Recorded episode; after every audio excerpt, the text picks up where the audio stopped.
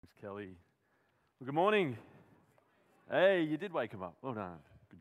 Well, maybe, maybe the worship woke you guys up. Uh, wonderful to be with you guys this morning. Uh, when I was in year six, I had a great teacher. Um, I, I, still remember back, and I think if I had to pick my favorite teacher, uh, this is probably him. His name was Tim White. And he confided in us one time uh, at school that when he was a student himself, he hated his teachers. Uh, and he spent most of school hating his teachers until that landed in a conviction that if teachers are that bad, maybe he should become one and do better. Uh, and so he set himself to being uh, a really excellent teacher and learning from those things uh, that he'd experienced. And so I loved him as a teacher. He, he taught us with a, a sense of humor, uh, which meant class was actually really enjoyable all the time. Uh, he connected with us not just by standing at the front and kind of telling us maths and teaching us fractions and whatever else we were learning, uh, but he taught me AFL, which I went on to play as I got older. He was always out in the playground playing with us. Uh, he was someone who genuinely cared about us as kids kids, uh, as well as just caring about how we went in assessments, which was especially meaningful when he was the principal of the school, right? And I feel like it would have been easy to distance himself from the class that he was also on, but he never did. Which meant when halfway through my year six, uh, he had to move to go and focus his time instead on being the principal and the newly launched high school in the school that I was in. Uh, me and my classmates were devastated right? Pretty trivial thing now, looking back, like 35 years old, thinking about when I was like 12. But back then, it was huge. We had a farewell party for him one lunchtime, and I still remember walking around the oval, kind of kicking the ground. It was like I was at a funeral, right? Uh, wandering around, uh, not wanting to talk to anyone, closed off in my shell because I was going to miss this teacher so much who had been making school fun, uh, had been teaching me so well, and had just been a good friend to us trivial now, back then, a big deal. And I wonder uh, whether you've had any experience like that, though maybe not as trivial as that one, right? A, a time in your life when there has been someone for you and they've left, and it feels like the, the value they had in your life, that they are irreplaceable. That as they were alongside you, as they were teaching you, as they were loving you, them being gone is unimaginable. Well, Jesus at this point in the story has been present with his disciples for about three years, and he has been loving them wonderfully, teaching them wonderfully. And now he is preparing them for that same moment. When the one who has loved them and taught them is going to leave them. And like 12 year old me in the playground, these guys are troubled. What's going to happen to me when he's not here? I'm going to be alone when he's not present. I'm going to be unloved when he's not here caring for me. I'm going to be so unsure when he's not here to teach me. They're troubled about all of those things. And I, I just wonder whether for any of us this morning, some of those feelings, maybe not about Jesus being absent, though maybe, some of those feelings resonate a little bit for us. As we think about our lives and the things that leave us troubled, whether any of us this morning are troubled at the idea that perhaps we are alone, that we'll be or are unloved, that as we walk through a pretty confusing and dangerous world that we're just unsure. Making all of these decisions, trying to figure out the right thing to do, wishing that we had somebody who would always be there for us, wishing we would have someone who would just love us unconditionally, wishing we would have someone who would just give us the, the way to go. Well, I'm going to pray for us this morning that Jesus' answer to his disciples when they were feeling that way might be a really good answer for our souls this morning. I'm going to pray that we might hear that this morning, and then we'll see what his answer to them was. Let's pray. Uh, Lord God, we do ask this morning that in as much as any of us feel alone, feel unloved, feel unsure, need your presence in our lives. That just as the disciples felt that 2,000 years ago and Jesus had wonderful news, that we will hear that news this morning and it might change our lives. We ask that in Jesus' name. Amen. Well, like I said, Jesus has been with the disciples now for about three years. He's been doing a whole bunch of stuff, teaching them, loving them really well. He's got some excellent news for them. Uh, and before he gives that news, he, he just sets a framework for who this news is for. Right? The, the very beginning of our reading sets who the, the listener is to this particular promise. And that's worth us paying attention to, right? If we're going to come this morning to the promise, what is it that he says is going to happen? We want to know who it is for. And kind of the screen, as it were, is really simple but profound. Here's the question that he begins with the question is Have you rightly responded to Jesus? Jesus is talking to his followers here. And so the, the first thing that he sets up is what it means to be a follower of Jesus. Right? Who is all of this teaching for? And he does that by setting up two things. Right? It can seem a little bit vague sometimes when we say, Are we a follower of Jesus? Are we a Christian? What, what does that mean? Well, first, verse 16, uh, sorry, 15, if you've got it there in your apps, the first thing he says is, If you love me. Jesus cares about relationships. He's been engaged in relationships with people now for, for years on, on earth as one of us. He's been caring for people. He's been crying with those who cry. He's been forgiving people who are broken. He's been finding the outcast and, and grabbing hold of them and loving and nurturing them. Just a few weeks ago, we heard about him washing his disciples' feet, right, out of love for them and he's about to go to the cross and lay his life down out of love for people. And so, if Jesus cares about relationship and he loves us, then what is the right response to him? What is the response that we give in return, the, the appropriate response to his love for us? Well, it's to love him.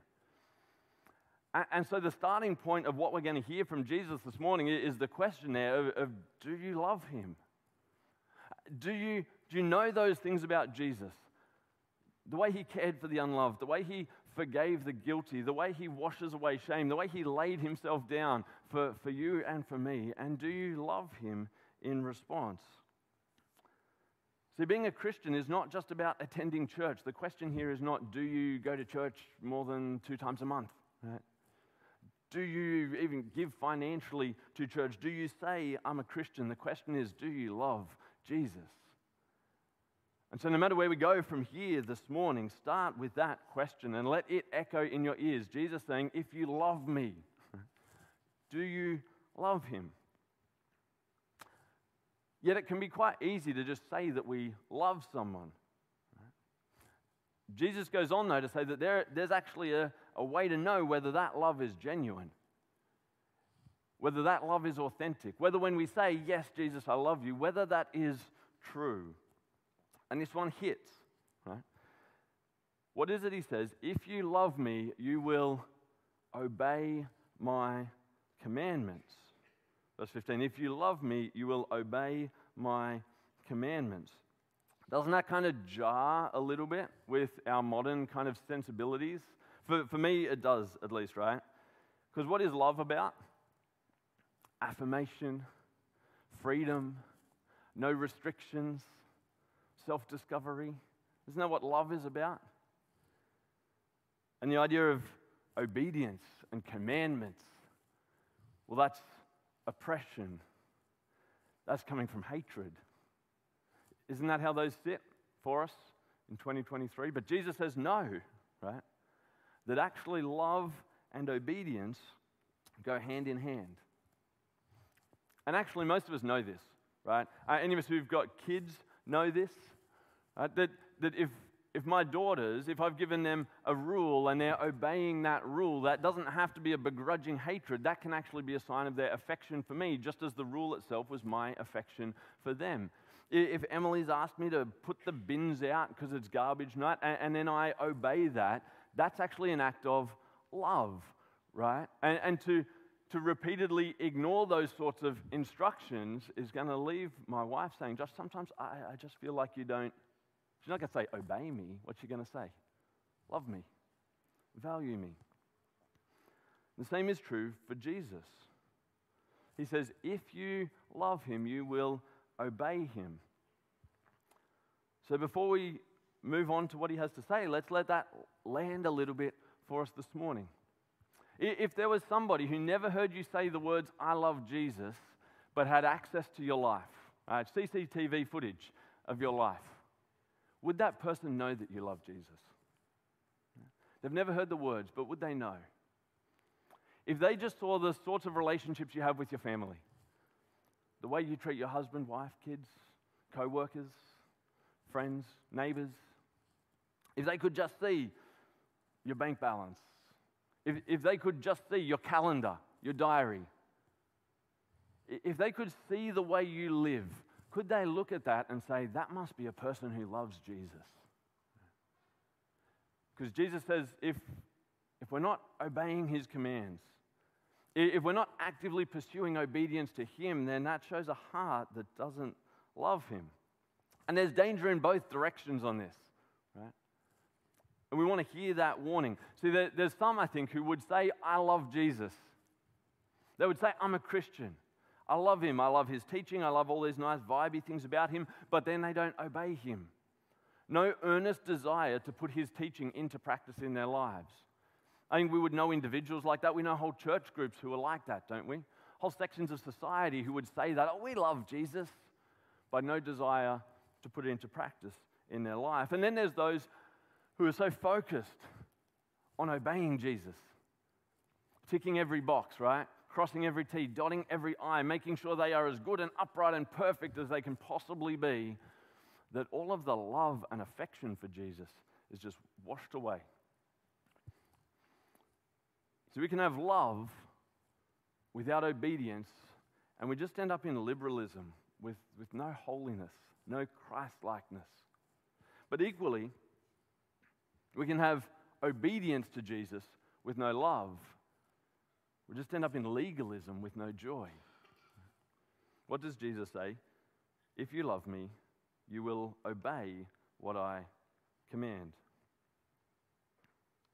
Now, perhaps at some point we, we look at that, we remember the context, we think about where this is happening and say, okay, that's, uh, that's okay for them, but it's kind of easier for these disciples because they actually had Jesus there in front of them, right? It's easier to love someone who is like there with you. You don't have a loved one go away for a long time, and it gets kind of hard to maintain that relationship, right? They had him physically there. And it's easier to obey someone when they're in the room with you, right? Just ask Darcy, right? Darcy, sit on your bed. Okay, I get to the door. Quick peek around. She's already back down on the floor, right? It's easy to love someone who's there, it's easy to obey someone who's there. But what about us? It's harder, isn't it? When Jesus isn't here? Well, he knew that. And so he prayed for you. He knew that it would be hard for you to love him and to obey him when he's not here. And so he prayed for you in verse 16. Verse 16 says, And I will ask the Father. What do we call it when you ask God for something? It's a prayer, isn't it? I will ask the Father and he will give you another counselor to be with you forever. Jesus prayed and asked the Father to send someone. And who is it he sends? We're told here, start of verse 17, the Spirit of truth. Right down in verse 26, this counselor is the Holy Spirit. The Holy Spirit, fully God, one of the three members of the Trinity. We did a series on that last year, so I won't rehash it all here, right? But the Holy Spirit, fully God, all powerful, eternal, always existing with the Father and the Son. God the Father, at the request of God the Son, sends God the Spirit. And we're going to learn a bit about him this morning. And to do that, I really just want to focus on, on kind of two words that we just read that are just there in the text so we can understand a little bit about the Holy Spirit. The first, here's what Jesus said I'll ask the Father, and he will give you Here's the two words another. I think in the one you guys might have on your phones right up there, we had advocate, didn't we? Another advocate. Let's not skip over the word another. The word another really matters there. Right? What does the word another mean? The word another means I want the same but different, right? Isn't it? Same but different, kind of squished together into one concept that we just think is normal. Right? Another, right? Thea's sitting at the table, we're having burritos. Darcy takes a bite out of hers. Thea says, I don't want that one, I want another one, right? She's not saying she wants me to go and get a sausage roll. She wants a burrito, but I can't give her that burrito. Darcy's bitten it. She wants a different one, right? It's, I want something which is the same, but not that one. What is it that the Father sends? When He sends the Spirit, He sends something that is the same, but different to the advocate they already have. John, who's writing this, he says uh, in 1 John, he describes Jesus as our advocate. And here, Jesus says the Holy Spirit is another advocate. What is the Holy Spirit's role? Why did the Father send the Spirit? To continue doing just what Jesus had been doing. The role that Jesus had had for his disciples, the, the Holy Spirit then takes over as Jesus leaves them. And so the role that Jesus had for his disciples with them is now a role which the Holy Spirit does with us. That's the first word, another. The second word is a whole lot trickier, though, isn't it? Another advocate. Now, I said advocate because I know it's up there, but I don't have advocate here. I have counselor. We could open four different Bibles and get four different words here, right? This is a bit of a, a tricky one, but it, it's a good thing that all of our Bibles have different words. Do you know why that is? Firstly, the reason it's different is the Bible was written not in English, right? This isn't a, a product of medieval Europe, right? Uh, this is a product of the ancient world. And so it was originally written in Greek. Um, and when John was writing it, he wanted to pick a word that would somehow capture everything Jesus has done for the disciples and what the Spirit will do for the believers moving forward. Does that sound like a simple thing to do? Uh, it's not, right? So we're going to have a word there that has a whole heap of meaning bucketed into it. And then we've got to try and pick an English word to go with it. And all the different scholars who come at it kind of land on different things. And it's not because all but one of them are wrong, it's because they're all right, because this word is so rich in what it's saying the Holy Spirit does. The word there in Greek, paraclete, right? Maybe understanding what, what this word literally means will help you understand why we've gone with so many different translations. And we'll have a think about just what, what a couple of them mean. The word paraclete, it actually comes from kind of two words that have been put together. Um, firstly, alongside, and then a verb meaning to, to be called, right? This is um, someone who's been called to come alongside somebody else. You can see there why, why we kind of try and think, oh, what is the right English word to describe that? Forget about English words. Since it's kind of a picture word, someone being called to come alongside, let me give you a couple of pictures.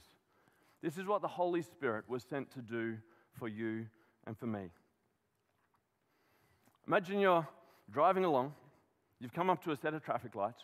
Right as you go to take off from that set of traffic lights, the car right, stops there in the middle of an intersection. You've run out of petrol, or your car's broken down, and you're there stopping traffic. You're like, I don't know what I'm going to do, Parker. Ah. You think, I just got to get this car out of here. It's on the red, I'm going to get ready, and then when it goes green, I'm going to push it across. And so you get out, you open up the car door. I know some of you wouldn't entertain this as a thought, but this, this is what my dad would have made me do. You get out, you get the driver's door open, you've got your shoulder there, and you're waiting for the green light so you can get your car out of everyone's way. In that moment, you know what you would really love? Someone to come and get alongside you. Someone else to come and wind down the back passenger window and get their shoulder in there as well, right? Or the feeling when you're pushing it and someone else hits the boot, and finally the car starts moving. When we get the translation of the Spirit as a helper, that's what it's talking about. Someone who, when it seems like the burden you're carrying is too heavy, someone who will come alongside you and bear it. When the effort required is just too much for you, someone who will come and share the load. Obviously, not the miracle of pushing a car across multi lane traffic. But does being a Christian does loving Jesus, does obeying Him sometimes feel like a whole lot of work and you don't have the strength to do it? Jesus said, I've asked the Father, He's going to send you a helper who will come alongside you and put His shoulder in. What about a different picture?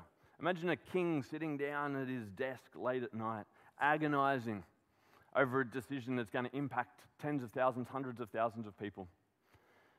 And he just can't figure out the right thing to do in this decision. And then up beside him walks his most trusted advisor, his counselor, who, who knows the impact of this decision, who's, who's got wise counsel into that space. He comes alongside the king and, and leads him through that decision with his wisdom. Some of the translations you'll read that'll have the word counselor, that's what it's getting at. Right? That at the times where spiritually we are just lost, we don't know what to do, we don't have the wisdom, we don't have the knowledge, we don't have the understanding. That God sends a spirit to come alongside you. You're not standing in that moment alone, He's there. Another picture this time imagine someone sitting down in the front pew in an old church building at a funeral. Head hung low, mourning, grieving. Imagine the person who comes up and sits down next to them, puts their hand on their shoulder, their arm around them. Doesn't even say anything, doesn't need to say anything, just needs to be there in that moment. If you've got a translation that says the Spirit is a comforter, that's the picture of being called alongside that's in view there. It's the same one in Matthew chapter 5, verse 6 in the Beatitudes. Right? And blessed are those who mourn, they will be comforted. God sends the Spirit to comfort us. One last picture of the Spirit alongside us. I want you again imagine you're sitting at a desk, but this time you're sitting at a desk in a courtroom. There's another desk just over there, and in front of you is the judge. This is not just an ordinary courtroom, this is a supernatural courtroom. You're sitting there defending yourself, and over there the prosecution sits Satan himself with access to everything you've ever done, everything you're guilty of, everything you're ashamed of. And sitting up in the judge's chair is God. And he's hearing all of it, and you're just wilting being overwhelmed by the guilt and the shame of the truth of all of these accusations that the devil's throwing out to rip you to shreds. And you're sitting there, you're your own defendant, and then the doors at the back of the courtroom burst open. Someone walks in, walks up, and they come alongside you, and it's a defense lawyer.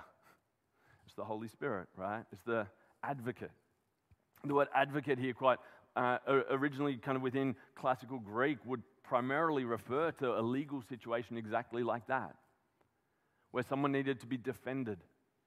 And someone who knows the truth of it and someone who knows the law would step in and be their defendant.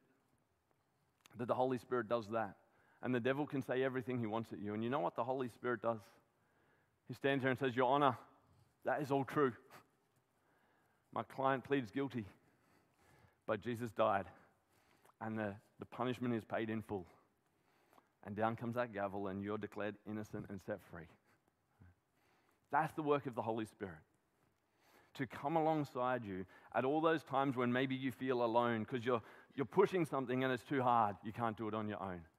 Or you're grieving and you feel alone, but you're not. Or there's a decision before you, there's just so much complexity, you don't know what to do and you feel alone in that. Or maybe it's your guilt and your shame where you feel alone. Jesus hasn't left us alone.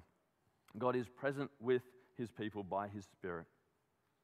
He's with you, he loves you, he'll defend, and he'll guide you. And so it's worth this morning just taking a moment to see those pictures and think where is it that the Holy Spirit is alongside you right now?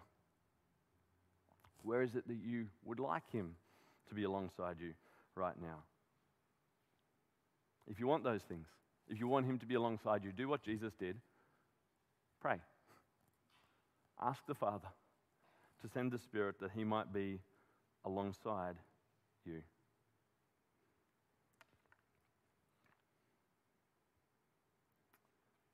Remember earlier, Jesus was with the disciples, He loved them, and He taught them.